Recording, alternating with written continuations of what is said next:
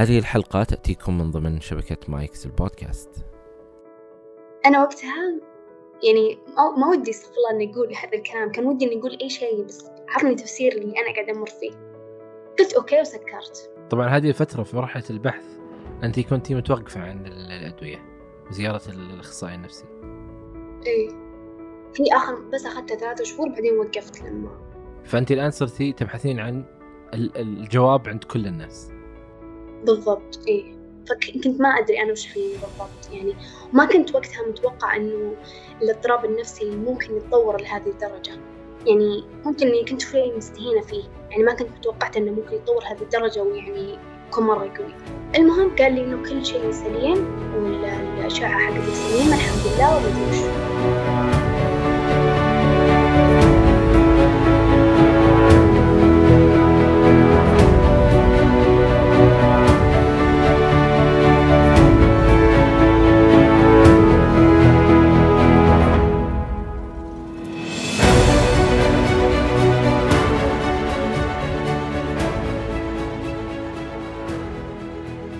أهلا بكم يا أصدقاء.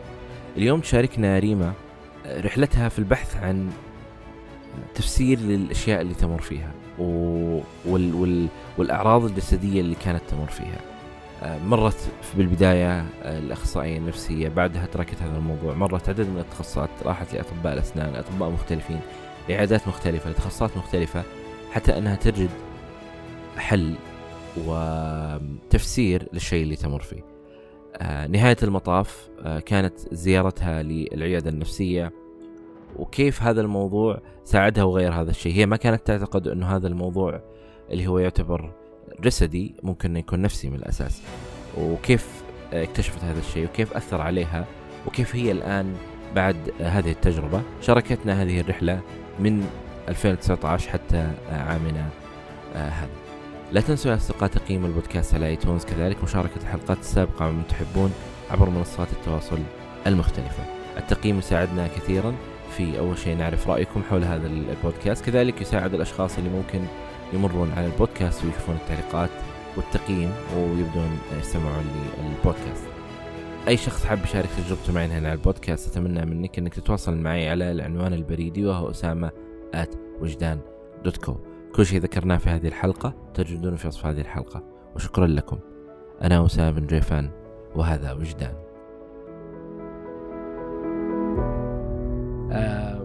أنا ودي أعرف متى أول مرة زرتي فيها العيادة النفسية؟ كان أول مرة زرت فيها العيادة النفسية عام 2019 بداية 2019 وإيش كان السبب؟ أول ما دخلت الجامعة قعدت تقريبا السنتين الأولى كلها كنت أعاني من أعراض وكل مرة أروح المستشفى ما ألقى لها تفسير. آه، منها مثلا أن وزني كان ينزل يمكن في السنة الأولى من الجامعة نزل وزني حوالي عشرة كيلو. آه، وبرضو كنت ما أشتهي الأكل. آه، كنت أتوتر مرة فترة الاختبارات وأتعب. مرات يعني أدخل الاختبار وأنا مرة مذاكرة المفروض أخذ A بلس بس أخذ أقل بسبب التوتر اللي كنت أحس فيه. خفقان في القلب أشياء يعني أعراض كثيرة برضو إمساك. وكل مرة أروح من عيادة لعيادة من مستشفى لمستشفى كان كله يقولون لي سليم. لين جاء يوم من الأيام ودخلت على دكتورة من الدكاترة اللي كنت دائما أراجع عندهم قالت لي ريما شوفي واضح إن أنت تجينا مرة كثير في المستشفى واضح إنك أنت جالسة تعانين بس مو سجلاتنا أو الأشعة أو هذا التحاليل عندنا مو قاعدة تبين شيء. فنصحتني وقتها إني أروح لمركز استشارات في الجامعة عندنا في جامعة الأميرة نورة آه، اللي هو مركز الترابط. قلت تمام أوكي ورحت وبديت جلسات مع أخصائية نفسية وقتها. جلسة ورا جلسة ورا جلسة بس ما أعرف ليش يعني يمكن بحكم تخصصي أنا تخصصي خدمة اجتماعية والضغط النفسي اللي أنا قاعدة أعيشه من ناحية إنه أنت أخصائية اجتماعية كيف تحس بتمرين بمشكلة نفسية؟ فكان كنت نوعا ما مستعجلة على العلاج. ف مع البداية يعني ما صبرت على الجلسات كثير قلت لها حولي ممكن تحولي لي على طبيبة نفسية إنه ممكن يعني آخذ دواء أو شيء لأني مو قاعدة أحس بتحسن يعني يمكن كملت معها ست جلسات أو شيء زي كذا. حولتني على الدكتورة بديت آخذ الدواء. هذه أول مرة أخذت الدواء آه، اللي هو تقريبا بداية عام 2019 أخذت الدواء قالت لي الدكتورة بتشوفين تحسن بعد أسبوعين. مر أسبوعين مر شهر ما حسيت بتحسن أبدا. يعني حرفيا كنت قاعدة أحس إني أشرب موية بس. رجعت للدكتورة قلت لها يا دكتورة أنا ما أحس بتحسن. قالت لي لا كملي على الدواء أنا قاعدة أشوف تحسن وقامت زودت لي الجرعة. قلت تمام هذه دكتورة أفهم مني أوكي أنا بكمل على الدواء رجعت البيت وأذكر وقتها كانت بالإجازة الصيفية. يعني خلصت أول سنتين الجامعة وكانت هذه إجازة صيفية. ولأني أنا كنت أتابع في مستشفى الجامعة لما جاء موعدي اللي بعد ما قدرت أروح آه ما قدرت أروح للجامعة. لأني أنا أصلا كنت من يوم بديت العلاج ما كنت معلمة أي أحد من أهلي. يعني ولا أحد فلو بقول لهم بروح الجامعة الصيف بيقولون ليه؟ فما رحت. وأرسلت صورة العلاج لأبوي وقلت له أشتر لي العلاج.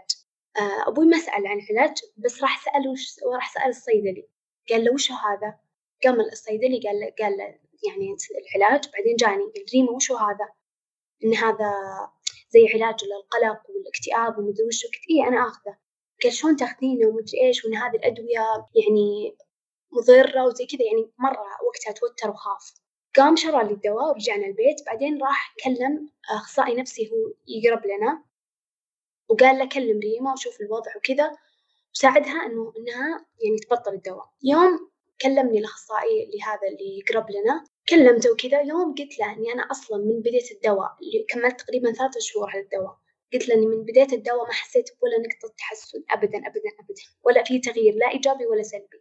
يعني كأني أشرب موية. قال لي أوكي خلاص ما دام ما دام ما تشوفين منه تحسن أحسن تتركينه. رحت تركت الدواء.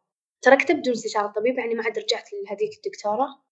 وبعدها آه كملت مع هذا الأخصائي اللي قرب لنا كم جلسة وكذا ووقفنا جلسات. هذه تقريبا كانت بداية 2019 بعد ما خلصنا أتذكر وقتها كنا كنا مسافرين لمكان بارد شوي. إحنا يعني سكان الرياض بس سافرنا مكان بارد وقتها في الصيف. وجتني زي الإنفلونزا بعدين رجعت البيت. رجعنا الرياض. راحت الإنفلونزا بس تعب عام في جسمي. صايرة يعني مهما أنام بالليل كويس أصحى أبغى أنام زيادة. صعب علي إني أصحى من النوم. خلاص يعني آلام غريبة في جسمي صارت تجيني. ألم مثلا في الركبة ألم ألم في المدري يعني آلام مرة غريبة. يعني ما أقدر أذكرها كلها الحين. بس كان أكثر شيء مؤذي إنه كان بالنسبة لي النوم لأني أنا كنت مرة شخص نشيط وأحب أقوم الصباح فكان مهما كنت نايمة بدري بالليل ما كنت أقدر أصحى ما كنت أقدر أصحى من النوم. بس وقتها قلت يعني أنا جربت كل شيء رحت مستشفيات سويت فحوصات كل شيء سليم. رحت لأخصائي أخصائية نفسية ورحت لطبيبة نفسية ولا تحسنت. فشكل اللي فيني شيء شكلي أما أنا أتوهم المرض ولا ما أعرف. بديت يمكن السنة الثالثة في الجامعة وكنت مرة مرة أتعب. أتذكر وقتها كنت مسجلة في نادي نادي رياضي. وكنت حرفيا يعني مع إني كنت أنحف الموجودين في النادي إلا إني كنت أكثر واحدة أتعب.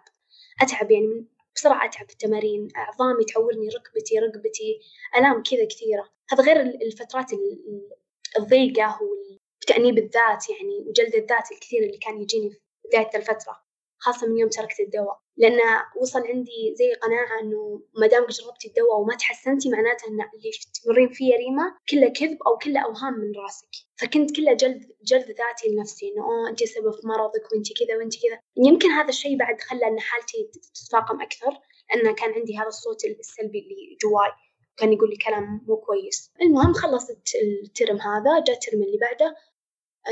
أتذكر نزلت تدريب في مدرسة أتدرب في مدرسة. مرة كنت مبسوطة وكذا بس حرفيا يخلص الدوام جسمي أحس بتعب قوي مرة في جسمي جسمي ما أقدر أشيله. بدأ يجيني زي الضغط في راسي يعني كأن أحد يضغط راسي هو ما كان صداع كأن أحد يضغط على راسي. وبرضو حتى البنات اللي معي مثلا صديقتي اللي كانت تعرفني من أول ما دخلنا الجامعة كانت تقول لي ريما أنت فيك يعني؟ صارت تستفيد مني مثلا صار أعصب بسرعة أو أزعل بسرعة أو كذا. أه، وأتذكر وقتها جت كورونا. وأنا يمكن أتذكر يمكن اللي كان مخليني شوي كأني لاهية شوي عن المرض إني كنت قاعدة أشتغل قاعدة أدرس ونازلة تدريب ملهية نفسي يعني. يوم جت كورونا وجاء الحجر وجلسنا بالبيت أوكي في البداية أوضاع تمام وكل شيء تمام. بعدين فجأة أتذكر موقف يعني إني كنت قايمة الصباح وقاعدة أنظف في المطبخ طاح على يدي كاس. طبيعي عادي جرحت من يعني جرح بسيط من الكاس رحت أغسل غسل إصبعي. وأنا غسلة فجأة لقيت نفسي طايحة على الأرض. يعني مو إغماء كامل بس ما كنت قادرة أشيل جسمي. وقتها أنا يعني أنا كان أهلي كلهم نايمين حرفيا يعني لولا عناية الله كان راسي صقع بشيء كذا ورحت فيها لأن كل الكل بيت نايمين. بس سبحان الله كذا لف جسمي بطريقة غير. فقلت ريما وش, صاير؟ يعني أنا أعرف نفسي من يوم كنت صغيرة كنت شخص مرة قوي شجاع يعني مو مو لهالدرجة توصل فيني إني يعني فوبيا من دم أو جرح مرة صغير. قلت خلني أطمن. أتذكر كان عندي تطبيق اسمه صحة في جوالي أقدر أتواصل فيه مع آه، أطباء عامين. كلمت دكتورة يوم قلت لها الموقف قالت لي شوفي هذا لا هو انخفاض ضغط ولا سكر هذا بسبب التوتر والقلق وكذا. هي بس قالت كذا قفلت منها ووقتها كذا قعدت أصيح أصيح يعني قلت يعني يعني كأنه أنا أخذت التجربة من من زمان خلاص يعني ليش يعني ليش بعيدها وليش هي أصلا ما نجحت من البداية. قلت أوكي ريما يعني خلاص يعني نحاول نطلب المساعدة وكذا. رحت وقتها كانت الوضع يعني حجر صحي وزي كذا والناس ما تطلع. فرحت دورت على عيادة أقدر أحجز عندهم جلسات آه، تكون عن بعد. وحجزت جلسات مع عيادة ما أدري أنا كنت أدور على أي عيادة فحجزت في عيادة بجدة مع أخصائية نفسية وأخذت معها جلسات. وقتها كان ضغط كورونا و... وأشياء كثيرة يعني وقتها كان ضغوط يعني في الأسرة وأشياء فما كنت مرة ما كنت مرة أتحسن مع الأخصائية. جلسة ورا جلسة ورا جلسة حالتي كمالها تكون أسوأ. والأعراض اللي أنا أحس فيها الأعراض الجسدية مرة مؤذية ومرة مزعجة. كنت يعني يعني أقول فيني؟ يعني مثلا آلام العظام اللي تجيني دائما يعني مرات أحس إنه خلاص يعني كنت أقول مرات يعني أنا لسه صغيرة يعني توني بالعشرينات هذه آلام العظام المفروض تجي الناس ف وحتى الناس لما أقول لهم مثلا الام عظامي تألمني أو شيء ما حد يصدق لأنه يقول آه أنت صغيرة توك على على هذه الحركات أو على هذه المشاكل. المهم كملت مع الأخصائية بعدين قلت لها إنه أنا مرة تعبانة ما أقدر أكمل أنا شكلي بروح المستشفى أو شيء لأن أنا أحس إنه فيني مرض خطير أو فيني شيء يعني أنا مو طبيعي يعني أنا مو قاعدة أتحسن ألم راسي يزيد ألم عظامي ما أعرف إيش فيني. أتذكر وقتها آه، كنت منحجرة في بيت جدتي بعدين رجعت بيتنا قلت لها لي الكلام. قلت لهم إني أنا تعبانه ومدري وش وان أنا أبغى أشوف يعني وش فيني. أتذكر وقتها دخلت على دكتور حق باطنية جلس معي الدكتور وطلب مني طلب تحاليل كالعادة يعني عشان وزني نازل طلبوا لي تحليل الغدة الدرقية.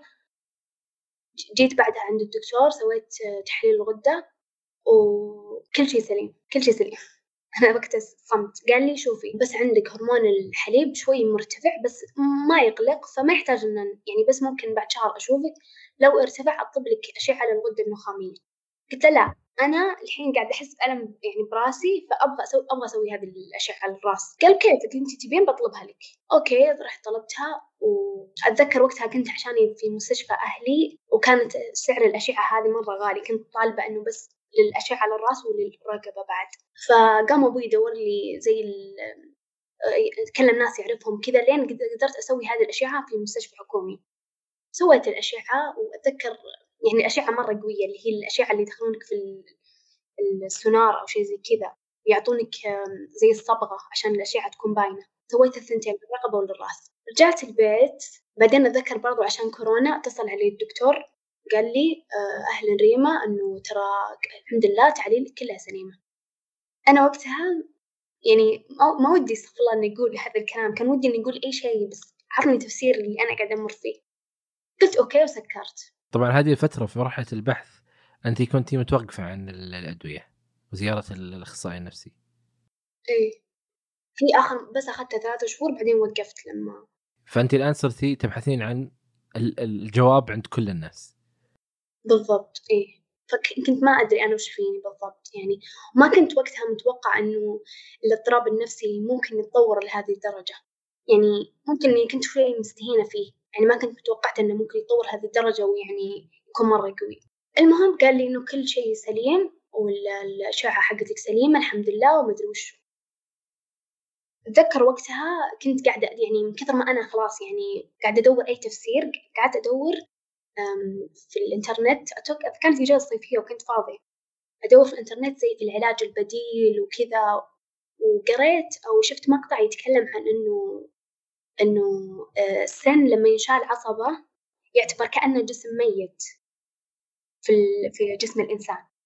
فيسبب زي تراكم للبكتيريا وكذا فيبدأ بعدها يضر الجسم. وهي صادفت إن أنا من يوم حالتي انتكست أو زادت يعني من يوم تركت الدواء الأول إني كنت آه، شايلة عصب واحد من أسناني. فقلت بس خلاص أنا هذا هو سبب مشاكلي كلها. وأروح لأمي أحاول أقنعها إن أنا خلاص بخلع السن والسن هو سبب مشاكلي كلها وإن شاء الله بس أشيله يعني ترجع العافية. أمي كانت رافضة تقول لا مدري وشو النريمة لأن بعض الأطباء لما كنا ندخل عليهم كانوا يقولون إنه ما فيك شيء والشكل اللي فيك نفسي. فكانت أمي تقول إيه خلاص خلينا نوديها دكتور نفسي وكذا وخذي أدوية أحسن من إنك تخلعين سن. وأبوي كان يقول لا. كان يقول تبين تخلعين سنك خلعيه بس لا تاخذين أدوية. رحت وخلعت السن. يمكن بعدها حسيت بتحسن وهمي مدة أسبوع. بعدين كل شيء كل شيء مثل ما كان يعني. بس بعدها ما صار لي وجه يعني ما صار لي وجه أروح لأمي وأقول أمي وأبوي وأقول لهم إني أنا لسه تعبانة. قلت خلاص أنا يعني بكمل أعيش وإذا ربي كاتب لي إني أنا يعني ما راح أتحسن أتمنى إنه يعني إن ربي يكفر ذنوبي وبعدين يأخذني لأن حرفيا الحياة صارت لا تطاق. يعني تحس الحياة تحتاج طاقة تحتاج إن إنك تقدر تصحى الصباح تحتاج إنه يكون عندك شغف. هذه كلها راحت. فكنت قاعدة أقول خلاص يا رب أنا سويت اللي علي الباقي عليك. كملت. وأتذكر وقتها آه، لما كنت في آخر سنة لي في الجامعة يعني من أصعب الفترات يعني اللي كنت فيها واصلة لمرة مراحل قوية من اليأس وكذا آه، فتحت بودكاست خاص لي اسمه بودكاست كالشمس. قلت يعني على الأقل لو مثلا ربي ما كتب لي أتحسن ورحت إنه إني أقدر أترك بصمة حلوة عن على الناس يعني. أه وبعدها أه الترم هذا ما عاد صرت أبحث عن أي إجابات. خلاص قلت إنه بكمل حياتي زي ما هي. بس إنه صادف إني وقتها كنت قاعدة أراجع من عيادة أسنان عادي عشان تسوس طبيعي. بعدين لما سويت طلبت لي أشعة الدكتورة كم أشعة بعدين جيتها قالت لي قالت لي في شيء غريب عندك بالأشعة. قلت وشو؟ قالت في شيء غريب. حتى أنا يعني هي استشارية كانت يعني طب الأسنان تقول أول مرة أشوف شيء زي كذا. راحت طلبت لي أشعة زي المقطعية للرأس عشان يبان هذا الشيء. آه، شوي قالت لي إنه إنه هذا زي التكلس أو ورم في الأسنان. وإنه روحي العيادة برا كبيرة أحسن عشان يعني تاخذين استشارة من جراح أسنان أفضل من عندي. أنا وش سويت؟ أخذت نسخة الأشعة من عندها وحولتها لأبوي. قلت لأبوي إنه شوف يعني إذا تقدر تتواصل مع أحد كذا. أتذكر واحد وقتها عادي كنت جالسة بغرفتي بعدين فجأة أبوي جاني. أنا يعني أبوي بالعادة ما يجيني يعني نادرا. فإذا جاني أحس إن في شيء. جاني طق علي الباب قال لي ريما الحمد لله إنه أنت كنتي طول ذا الفترة تعبانة والحمد لله عرف وش السبب. إنه قال إن الدكتور قال إن هذا ورم حميد ويحتاج عملية وإنه عملية يوم واحد وإن شاء الله إنها بسيطة ومدري وشو أبوي طلع أنا سويت نفسي قوية قدامه. يوم طلع خلاص انهارت يعني جلست أبكي وكذا. ما كنت خايفة من العملية قد ما أني كنت خايفة إنه أسوي العملية وأتعب وتعب أهلي وبالأخير ما أتحسن. يعني لأني جربت أشياء قبل فقلت وش يعني ممكن هذا بعد أجرب العملية وأصحى منها وما أتحسن. ممكن حالتي تصير أسوأ بعد. هذا كان أي سنة الكلام هذا؟ آه عشرين عشرين. بعدين آه خلاص على أساس إنهم حجزوا معي اللي موعد مع الدكتور عشان يشوف يسوي لي تحاليل وكذا لين يجي وقت العملية وكذا. وقتها أنا يمكن الأسبوع هذا كان من أسوأ الأسابيع اللي مرت علي يعني ما كنت لا أقدر أنام كذا أربعة وعشرين ساعة وخفقان قلبي يعني وكنت بس أبكي يعني. وكان وقتها بعد فترة اختبارات فضغط الاختبارات وضغط إني أفكر بذا الموضوع. مر الأسبوع ورحت للدكتور مع أمي شوي قال للدكتور فحصني وكذا قال إنه إنه ما دام الورم لا هو مشوه الوجه ولا هو مسبب التهاب أو ألم ما يحتاج إنه ينشال. أنا في نفسي يعني مرة عصبت قلت طب ليش تقول لي قبل ما تشوفني إنه الموضوع يحتاج عملية؟ قبل ما تفحص في نفسي بس سكت قلت له طيب يا دكتور أنا قاعد أحس بألم في ركبتي بنفس اتجاه الورم. يعني أنا صادفة إن عندي ألم في الركبة من جهة اليمين والورم في الجهة اليمين من الأسنان. فقلت له إنه أنا عندي ألم في الركبة هذا وشو؟ يعني أنا توقعت إن الألم هذا بسبب الورم قال لا أن هذا ما له دخل وروحي لطبيب عظام هو يعني بيساعدك في هذه المشكلة إن هذه مشكلة عظام. قلت تمام. يمكن بعد أسبوع حجزت موعد عند طبيب العظام رحت له قال لي أيوة إنه عندك شد في الرقبة و شد مرة قوي في الرقبة يعني وإنه حتى أنا كان الألم مرات ينزل على يدي فقال إنه مرة قوي. أعطاني كورس علاج لمدة شهر اللي هو زي اللصقات وتمارين وأشياء. بس يوم سألته يوم أمي كانت معي سألته إنه وش سبب هذا الشد؟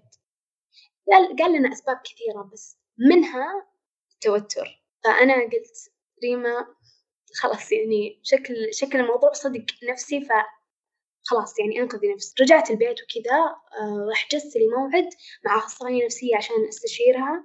يعني موعد استشارة ممكن مدة عشرين دقيقة بس أبغاها توجهني. هل أنا أروح مثلا طبيب نفسي ولا أخصائي نفسي ولا وين أروح بالضبط؟ خلصت اختبارات مستوى سابع وحجزت لي موعد معاها.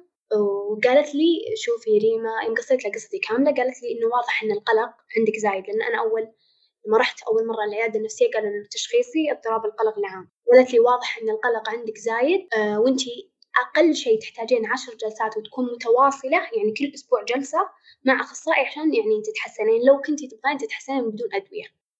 أنا بالنسبة لي ما كان يعني ما كان يهمني. إذا بدوة بدون دوة أهم شيء أتحسن بس أهلي كانوا كانوا أمي خاصة كانت ما تبغى. أمي وأبوي صراحة ما كانوا يبغون الأدوية. قلت okay خلاص ما تبغون الأدوية أنا أهم شيء إني أتحسن أنا باخذ جلسات. شوي أنا جالسة مع صديقتي أتذكر وقتها وقاعدة أكلمها بالجوال إلا فجأة الأخصائية نفسها اللي أخذت معها الاستشارة ترسل لي رسالة. تقول يا ريم شوفي إنه شكل اللي فيك مرض اسمه الفايبروماليجيا اللي هو زي يسبب تعب عام في الجسم أكثر يخليك تحس ألم مضاعف في الظهر في الجسم في العظام. أنا بس قالت لي كذا قالت لي ريما لازم تروحين للدكتور يعني أنا ما أقدر أشخصك لازم تروحين للدكتور عشان يقدر يعلمك. إذا مثلا أنت تروحين لطبيب أعصاب لأن هذا الفايبروميالجيا يعني علاجه عند طبيب الأعصاب أو إنه تروحين لطبيب نفسي. أنا قلت أوكي خلاص أنا بشوف طبيب نفسي لأن هذا المرجح أكثر. ولأن برضو نفس التطبيق اللي أنا احتجت فيه الاستشارات للأخصائية هذه كان في كان في أطباء نفسيين. بعدها حجزت لي حجزت لي استشارة مع الطبيب المص... طبيب نفسي مصري على التطبيق. أه، كلمت الدكتور وقلت له عن الأعراض وكذا وقلت له دكتور شكلك أنا هي من يوم قالت لي إنه إنه شكلي فيك فبرمنيجي أنا خلاص بديت أوسوس. وأروح أبحث في التويتر عن جماعة المرضى الذولي بنضم للحملة حقتهم. مرة خلاص عشت الدور إن هذا المرض فيني صدق. قال لي الدكتور أكيد أنت الحين تقرين الأعراض بتصدقين إنها فيك بس إنه لازم يعني يعني يعني أنا كدكتور أنا اللي أقيم إذا أنت فيك ولا ما فيك. قال لي لا إنه تعالين العيادة. قلت له أنت وين عيادتك؟ صادفت إن هذا الدكتور آه، في عيادة حكومية. هي تبع مركز صحي. يعني هذا الشيء اللي كنت أول مرة أعرفه وأبغى الناس كلهم يعرفون عنه. إنه ترى في أطباء نفسيين يعني مثلا أنا أتكلم عن نفسي كريمة ما عندي ملف في مستشفى حكومي إلا مستشفى الجامعة. وكان شوي مستشفى الجامعة بعيد عن بيتي. فكان مرة صعب علي أروح له. فوجود هذا المركز الصحي هو مركز صحي عادي من المراكز الصحية بس عندهم عيادة خاصة بالطب النفسي. أتوقع إنه في كل منطقة أو جزء من الرياض في زي العيادة شيء زي كذا. هو بس قال لي كذا وحكومية وكذا قلت خلاص أنا خلاص ببدأ معهم يعني. آه بعدها قلت لأمي إنه كذا كذا كذا وإن أنا بروح أشوف الدكتور. وطبعا ما علمت أبوي شيء لأنه كان مرة رافض رافض رافض فكرة إنه آخذ دواء أو إنه آخذ شيء نفسي يعني مرة رافض. فعلمت أمي بس وأتذكر إني حجزت موعد مع الدكتور وأخذت أمي معاي ورحنا للعيادة. هذا الكلام تقريبا قبل بداية عشرين واحد وعشرين بأسبوع يعني خلاص نهاية عشرين عشرين. دخلت على الدكتور. طبعا كل مرة يقولون لي يعني تشخيص مختلف لأن هم دائما يقولون إن الاضطرابات النفسية شوي معقدة. هم اللي متأكدين منه إن اللي فيني اضطراب القلق العام بس في بعضهم قالوا بعد معاه اضطراب الأعراض الجسدية وفي معاه أو اضطراب الألم المزمن أو أو قلق المرض أو القلق المرضي اللي تصير أي عرض يجيك توسوس إنه وش هذا وش ما هذا تصير تقلق من الأمراض. فهو أكثر من شيء قالوا بس قالوا إحنا ما يهمنا التشخيص إنه يكون دقيق قد ما إنه لأن كلها على بالنهاية علاجها واحد. قلت أوكي الدكتور هذا وصف لي دواء. وبدت وقتها رحلتي مع العلاج. أتذكر بديت الدواء مع بداية عشرين واحد وعشرين. وأول ما بديت بالدواء يمكن أول أسبوع كنت قاعد أموت قاعد أموت من صداع راسي. راسي ما كنت أقدر أرفعه من السرير. حرفيا كانت يعني كنت خلاص ما أقدر أسوي شيء في حياتي لأن راسي راسي مرة يعورني. رجعت الدكتور قلت له كذا كذا وإن أنا ما أقدر أتحمل. يعني قال لي شوف يا ريما إن أول مرة يجونا ناس يعني مرة الأعراض الجانبية حقت الدواء تصير قوية عليهم. قام عطاني زي الدواء المساعد وعطاني وقال لي خفف الجرعة. كان وزني نازل يعني فقال لي يمكن جسمك ما يتحمل. فعشان كذا قلل لي الجرعة وعطاني زي الدواء المساعد عشان يخفف من الأعراض الجانبية اللي أنا قاعدة أحس فيها. طبعا أنا وقتها ما كنت ما كنت يعني كنت قاعدة أموت حرفيا من الأعراض الجانبية لأن لأن مثلا أنا قبل كنت أتعب بس لما تجيني ظروف أو تجي مشاكل أو أحس بضغط الحين صرت طول الفترة تعبانة طول طول يعني طول الأسبوع تعبانة لأن القلق مرة زايد عندي بسبب الدواء يعني هي كذا بداية الأدوية إنها تزود عندك القلق. قلت له ولا أو أنا وقتها ما كنت معلمة أمي وأبوي أبدا.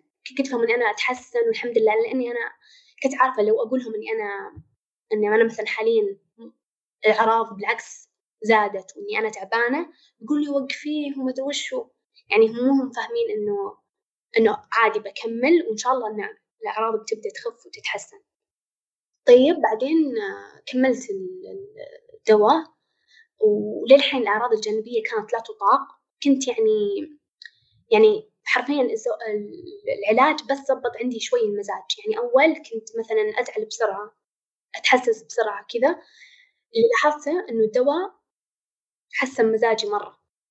صار بالي طويل يعني. وقتها أنا يعني الدكتور اللي كنت أراجع معاه كان يعني لما أدخل عنده بالعيادة يعني يمكن ما أطول عنده أكثر من ربع ساعة. ما كان يسألني عن أشياء كثيرة بس آه كيفك؟ وش أكلك؟ نومك كيف؟ كذا بعدين أطلع من العيادة. وقتها قلت أنا يعني من كثر ما أنا كنت خايفة لأن أنا أصلا كنت قاعدة أمر بالأعراض الجانبية لحالي مو معلمة أحد. فقلت أنا لازم أتأكد إنه هل أنا اللي قاعدة أسويه صح ولا لا. آه، أتذكر آه، رحت لتطبيق اسمه موعدي وحجزت موعد حجزت معاه موعد. جلس معي الجلسة الأولى فرق شاسع. يعني أنا صدمت إن أصلا الأطباء النفسيين زي كذا. يعني قام يسألني عن حياتي قام يسألني عن أهلي قام يسأل عن كل شيء يمكن الجلسة الأولى معاه بس ساعة كاملة عشان يسأل يعرف عن كل الأشياء والمؤثرات اللي ممكن تأثر على نفسيتي يعني في هذه الفترة. بعدها الدكتور هذا يوم قلت له إني أنا أتابع مع دكتور مصري قال لي خلاص تابعي معي إنه أنا بمسك حالتك. قلت تمام. كملت مع الدكتور دكتور مرة يعني ما ما أدري شلون أشكره يعني هو مرة غير حياتي. أتذكر بداية العلاج كنت كل موعد أد... أبدأ الموعد وأنا أصيح وأقول له إنه الموعد مواعيد كانت بعد. أصيح وأقول له دكتور أنا ليش مو قاعدة أتحسن؟ لأن كانت الأعراض الجانبية بأول شهور مرة متعبة. كنت أقول له ليش مو قاعدة أتحسن؟ ليش حالتي حاليا صايرة أسوأ من قبل؟ كان يقول لي ريما شيء طبيعي لو أنت عندك خراج والخراج هذا كذا طالع. مو قاعد تلمسه يضايق بس مو مرة.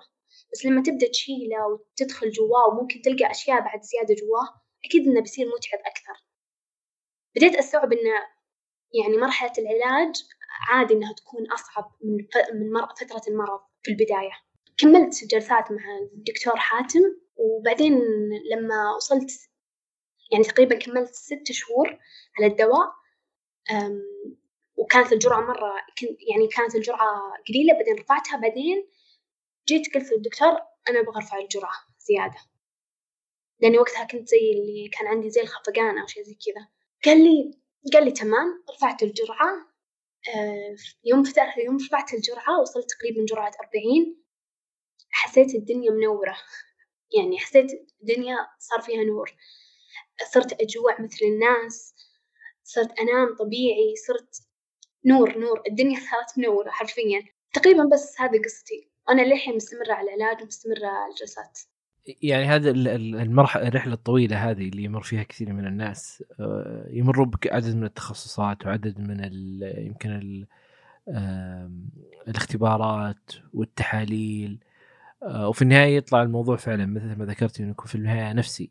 آه، ونعم يعني التأثير الشيء النفسي يوصل لهالمرحلة يوصل لهالدرجة.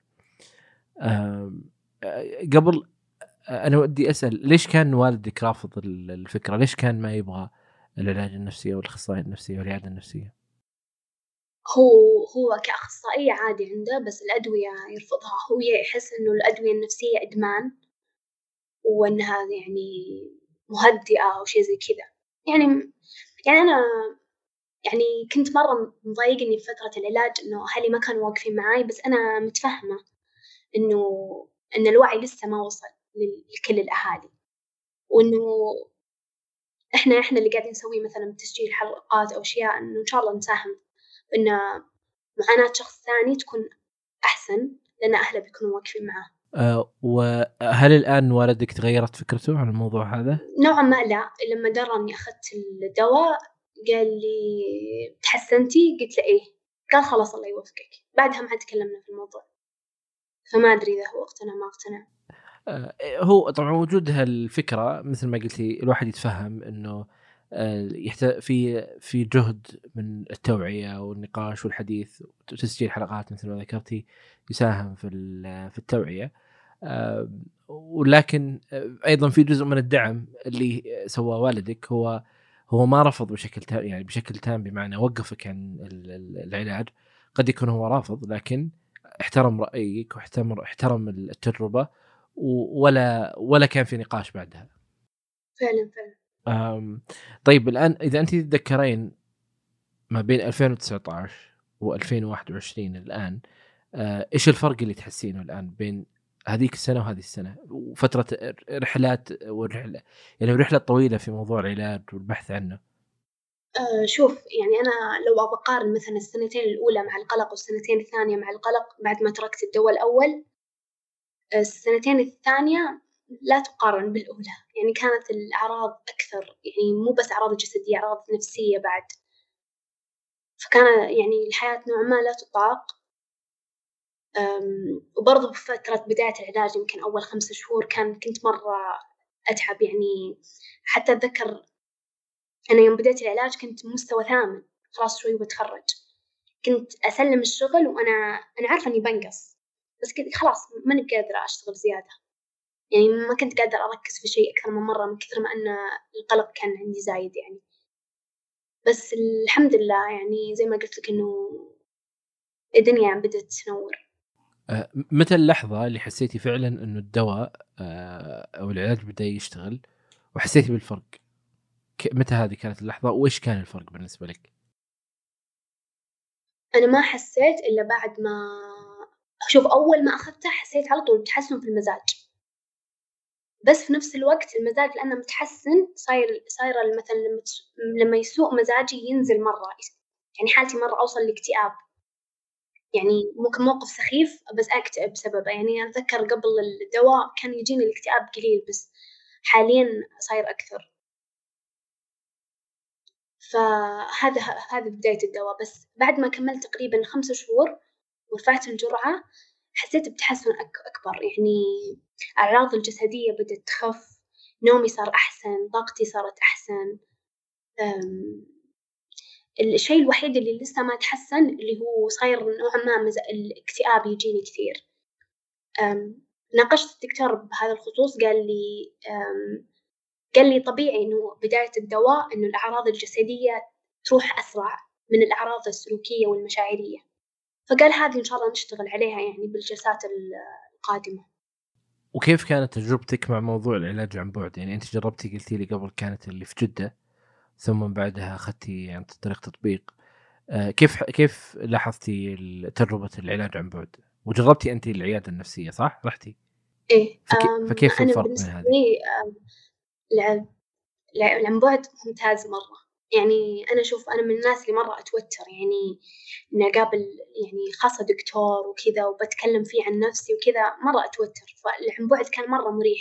يعني صح إني لسه أتوتر بس أريح من الوجه لوجه يعني الحين الدكتور أنا يمكن كملت معاه 14 جلسة كلها عن بعد. الحمد لله يعني وأنا ماشية معاه تحسن. يعني في أشياء الدواء حسنها في أشياء الجلسات معاه حسنتها. لأن كنا قاعدين نشتغل على على مشاكل أو أشياء ف كيف كان التواصل عن طريق عن بعد؟ كان صوتي أو فيديو أو كتابي؟ صوتي كل. اتصال آه الجلسات هذه إيش كان يتخللها؟ هل كان مثلا في عندك مهام لازم أنت تنهينها أو تخلصينها؟ آه، في أشياء آه، تشتغلون عليها خلال الفترة هذه؟ إيه في البداية مع مع مديري كان طالب مني إنه أسجل يومياتي وأسجل جدول نومي وأكلي وكذا عشان يشوف إنه يعني قديش هذا الشيء مثلا قاعد يأثر على نومي وأكلي وهذه الأشياء. لأن بالبداية حتى الدكتور كان متخوف إن اضطرابات الأكل ممكن تكون معاي. آه، بس أنا طمنته من هالناحية إنه أنا بس يعني الشهية عندي. إذا انفتحت الشهية خلاص أقدر آكل ما عندي يعني اضطرابات أكل. بس وكان يعطيني واجبات مرات مرات أشياء مهام أسويها إنه سوي كذا سوي كذا بس بعد ما يعني يناقشني بهذا الشيء مو إنه فرضا يعني آه، إيش كان عندك من الأدوات آه، اللي تعتقدين إنها ساعدتك بشكل كويس في آه، تتخطين هذه التجربة وتتعايشين معها بشكل أفضل. أنت الآن كانت عندك الجلسات في أدوات أنت عملتيها وأشياء سويتيها خلال الفترة هذه ساعدتك على إنك آه، تتخطين هذا الموضوع أو تتعايشين معه بشكل أفضل؟ قصدك في الفترة اللي كنت قاعدة أبحث فيها عن عن سبب ولا في فترة العلاج؟ لا فترة العلاج. فترة العلاج إنه تروح المستشار كويس لأنه ممكن ممكن احتمال كبير إن تطيح بمستشار غير كويس فإنه تختار المستشار الكويس وأنا أشوف بنظرتي يعني الأطباء النفسيين أفضل من الأخصائيين النفسيين مع احترامي للجميع بس هذه تجربتي. أم وبرضو إنه تلقى صديق كويس يكون جنبك. يعني صديقتي آمنة الغامدي كانت مصدر دعم كبير لي في الفترة اللي كنت مرة تعبانة بسبب الأعراض الجانبية حقت العلاج. يعني ما كانت اللي اللي تعطيني زي الشفقة وإنه لا تتحركين لا تسوين إنك تعبانة لا بس كانت اللي تراعيني تسمعني بس تخليني أعيش تخليني أسوي اللي أقدر عليه. أه وبرضو الدعاء الدعاء يعني وإنه تصير أقرب من ربي. هذا من أقوى الأشياء اللي تخليك تمر بأي مرحلة صعبة. وإنك تصير مؤمن إن إن ربي ما أخر الفرج إلا لسبب وإن إن شاء الله الفرج جاي بطريقة أحلى من ما تتمناها. آه لا لا طيب إيش ممكن يعني لو كان في من الآباء يسمعون هال هالحلقة؟ آه إيش ممكن تقولين لهم؟ اولياء امور؟ اللي أقدر أقوله إنه المعاناة النفسية أو الاضطرابات النفسية حقيقية. يعني ما هي دلع ولا هي خرافات. ثانيا إنه إنك تخ... تخلي مثلا ولدك ياخذ أدوية نفسية اللي أنت مثلا مو مؤمن فيها أحسن من إنه تخليه يعاني ويتألم وما حد حس فيه. طيب للناس اللي آه، عندهم صديق يمر بتجربة قلق آه، إيش ممكن أنا إيش ممكن أقدر أسوي على أساس أقدم الدعم المناسب لصديقي؟ أنا يعني شفت هذا الشيء بصاحبتي آمنة. يمكن أكثر شيء كان من أفضل الأشياء اللي كانت تسويه إنها إنها كانت تسمع لي ما تستخف من التجربة اللي أنا أمر فيها. تراعي الظروف تسأل عني. ممكن هذا بس هذا اللي بس محتاجينه شوية تفهم تعاطف استماع إحساس إن إنك موجود لهذا الشخص لو احتاجك الله يعطيك العافية ريما.